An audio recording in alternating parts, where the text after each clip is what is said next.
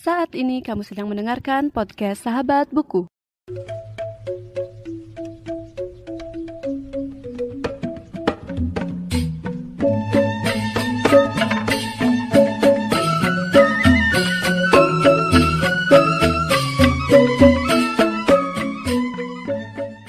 Halo semuanya dan selamat datang kembali di podcast Sahabat Buku. Bagi kamu yang baru pertama kali mendengarkan podcast ini, podcast Sahabat Buku adalah sebuah podcast yang membahas review buku dan pengalamanku saat membaca buku. Di episode kali ini, aku akan membahas sebuah buku berjudul Kulit Kerapi Duka, karya Putu Juli Sastrawan yang diterbitkan oleh penerbit Mahima Institute Indonesia. Buku ini pertama kali diterbitkan pada bulan Juli tahun 2020 dan terdiri dari 153 halaman yang terbagi menjadi 8 bab. Cerita dari novel ini diawali oleh tokoh utama yaitu Piduka yang ingin membuat ramuan asahan kulit kera untuk menjadikan anaknya yaitu Kenanga menjadi seorang penari joget yang diidam-idamkan oleh banyak laki-laki.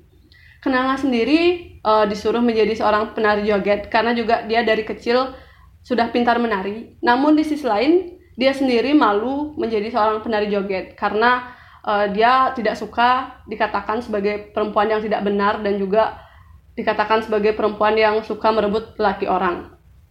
Nah, di sisi lain, ibunya yang bernama Piranti membujuknya untuk mengikuti kemauan ayahnya. Dan dia tuh sebenarnya ingin untuk bekerja di dunia pariwisata di mana banyak orang desa yang sukses bekerja di pariwisata gitu. Jadi sukses merantau uh, ke bidang pariwisata.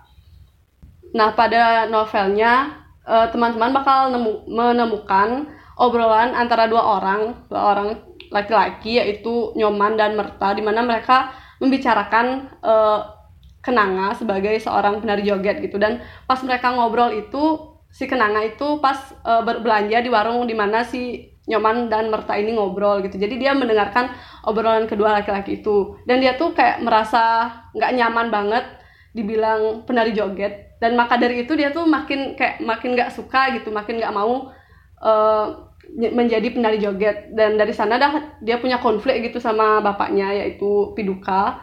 Dia tuh bilang dia tuh nggak mau jadi penari joget. Dan selanjutnya aku akan membahas isu-isu yang diangkat dalam novel ini, yaitu yang pertama adalah ambisi orang tua. Jadi uh, mungkin pas kalian baca itu bakal nemuin konflik antara si tokoh utama yaitu Piduka dan anaknya Kenanga. Jadi di sini Piduka tuh pengen banget si Kenanga nih jadi seorang penari joget gitu. Jadi dia tuh berambisi gitu kalau si Kenanga nih bakal jadi penari yang uh, disukain banyak orang gitu. Tapi di sisi lain Kenanga nggak mau jadi penari joget dan dia tuh kayak malu gitu. Padahal dia tuh memang pintar menari gitu. Dan isu selanjutnya yang dibahas adalah joget itu sendiri. Buat orang Bali mungkin udah nggak asing gitu sama uh, joget gitu dan apalagi di novel ini ada adegan di mana uh, apa tuh joget yang nggak vulgar gitu uh, bakal dihadang sama warga gitu. Soalnya kesannya kan kayak joget tuh tarian hiburan gitu ya, tarian yang uh, menjurus ke arah erotis gitu. Terus yang selanjutnya hal yang dibahas adalah tentang pariwisata. Ini tuh mungkin udah nggak asing juga, apalagi uh, seperti yang aku bahas tadi uh, di Bali itu uh, apa namanya kayak pariwisata tuh kan terkenal banget gitu.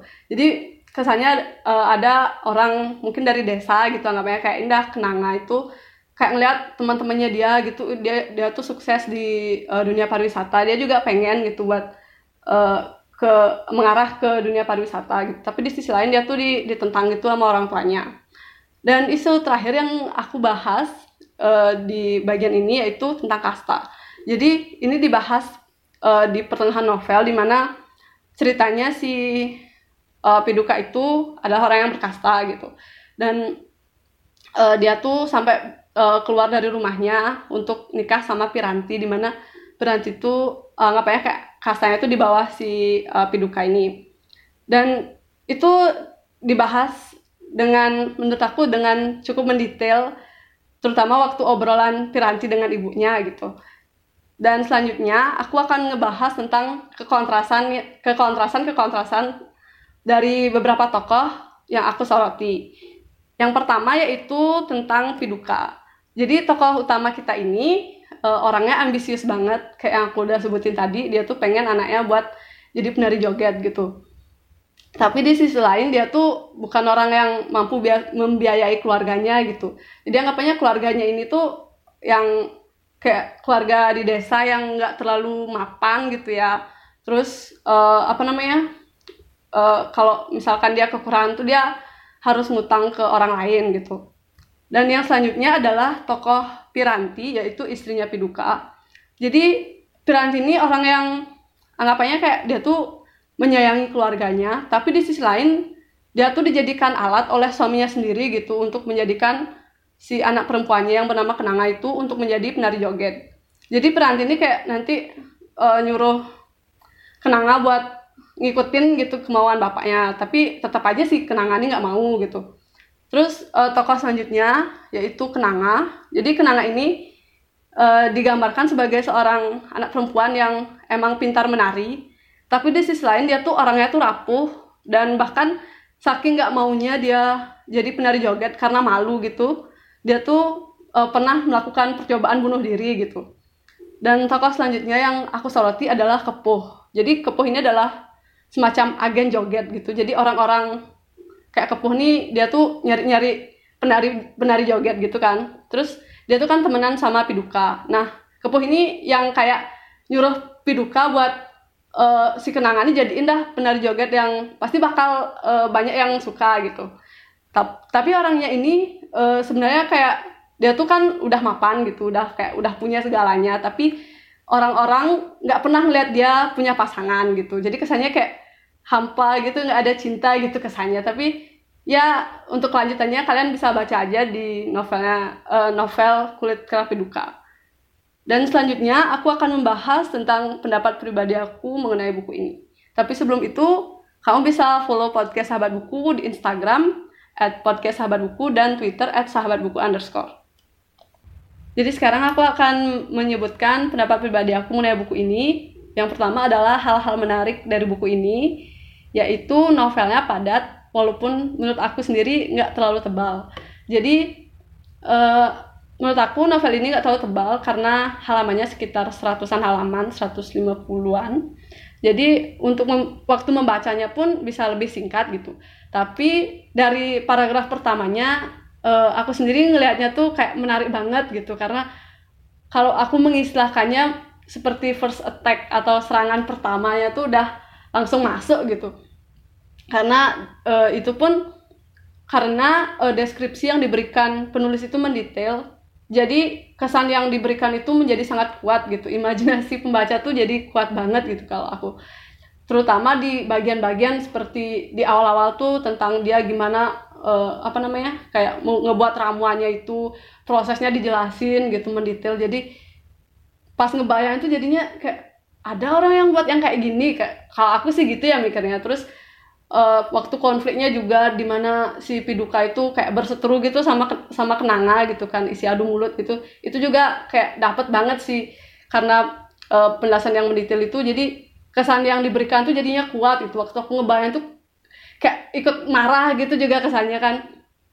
Dan itu sih menurut aku keseruan dari novel ini tuh dapat dan selain itu ada juga kekurangannya. Menurut aku uh, novel ini masih perlu diperbaiki untuk beberapa hal seperti uh, beberapa bagian yang salah ketik. Jadi mungkin di cetakan selanjutnya bisa diperbaiki. Dan satu lagi yaitu untuk beberapa bagian uh, aku pribadi mungkin uh, lebih nyaman untuk membaca cerita yang uh, kalau misalkan dia ada flash flashback gitu, ada dikasih tanda gitu karena beberapa bagian nggak semuanya sih sebenarnya ada beberapa bagian yang uh, menurut aku tuh eh, nggak uh, di gimana ya kayak nggak di highlight gitu nggak dikasih kode kalau ini tuh flashback gitu atau ini tuh bagian yang nyambung ke hal lain gitu. Jadi pas baca tuh agak bingung terus waktu lanjut tanya, baca lanjutannya baru baru ngeh gitu kayak kayak oh ternyata ini tuh dia flashback gitu oh ternyata ini tuh dia nyambungin ke si A atau si B gitu. Nah itu sih yang menurut aku mungkin perlu diperbaiki kalau misalkan berkenan gitu ya dan mungkin sekian dulu untuk pembahasan buku Kulit Kerapi Duka. Jika kamu ingin berbagi tentang pendapatmu mengenai buku ini, bisa langsung menuju YouTube atau Instagram Podcast Sahabat Buku dan sampaikan di kolom komentar atau bisa mention Podcast Sahabat Buku di Twitter. Kalau kamu juga uh, ingin mendukung Sahabat Buku melalui uh, donasi bisa melalui link karyakarsa.com yang ada di deskripsi Spotify. Dan jangan lupa juga untuk membagikan episode kali ini di media sosial kamu. Terima kasih telah mendengarkan dan sampai jumpa di episode selanjutnya.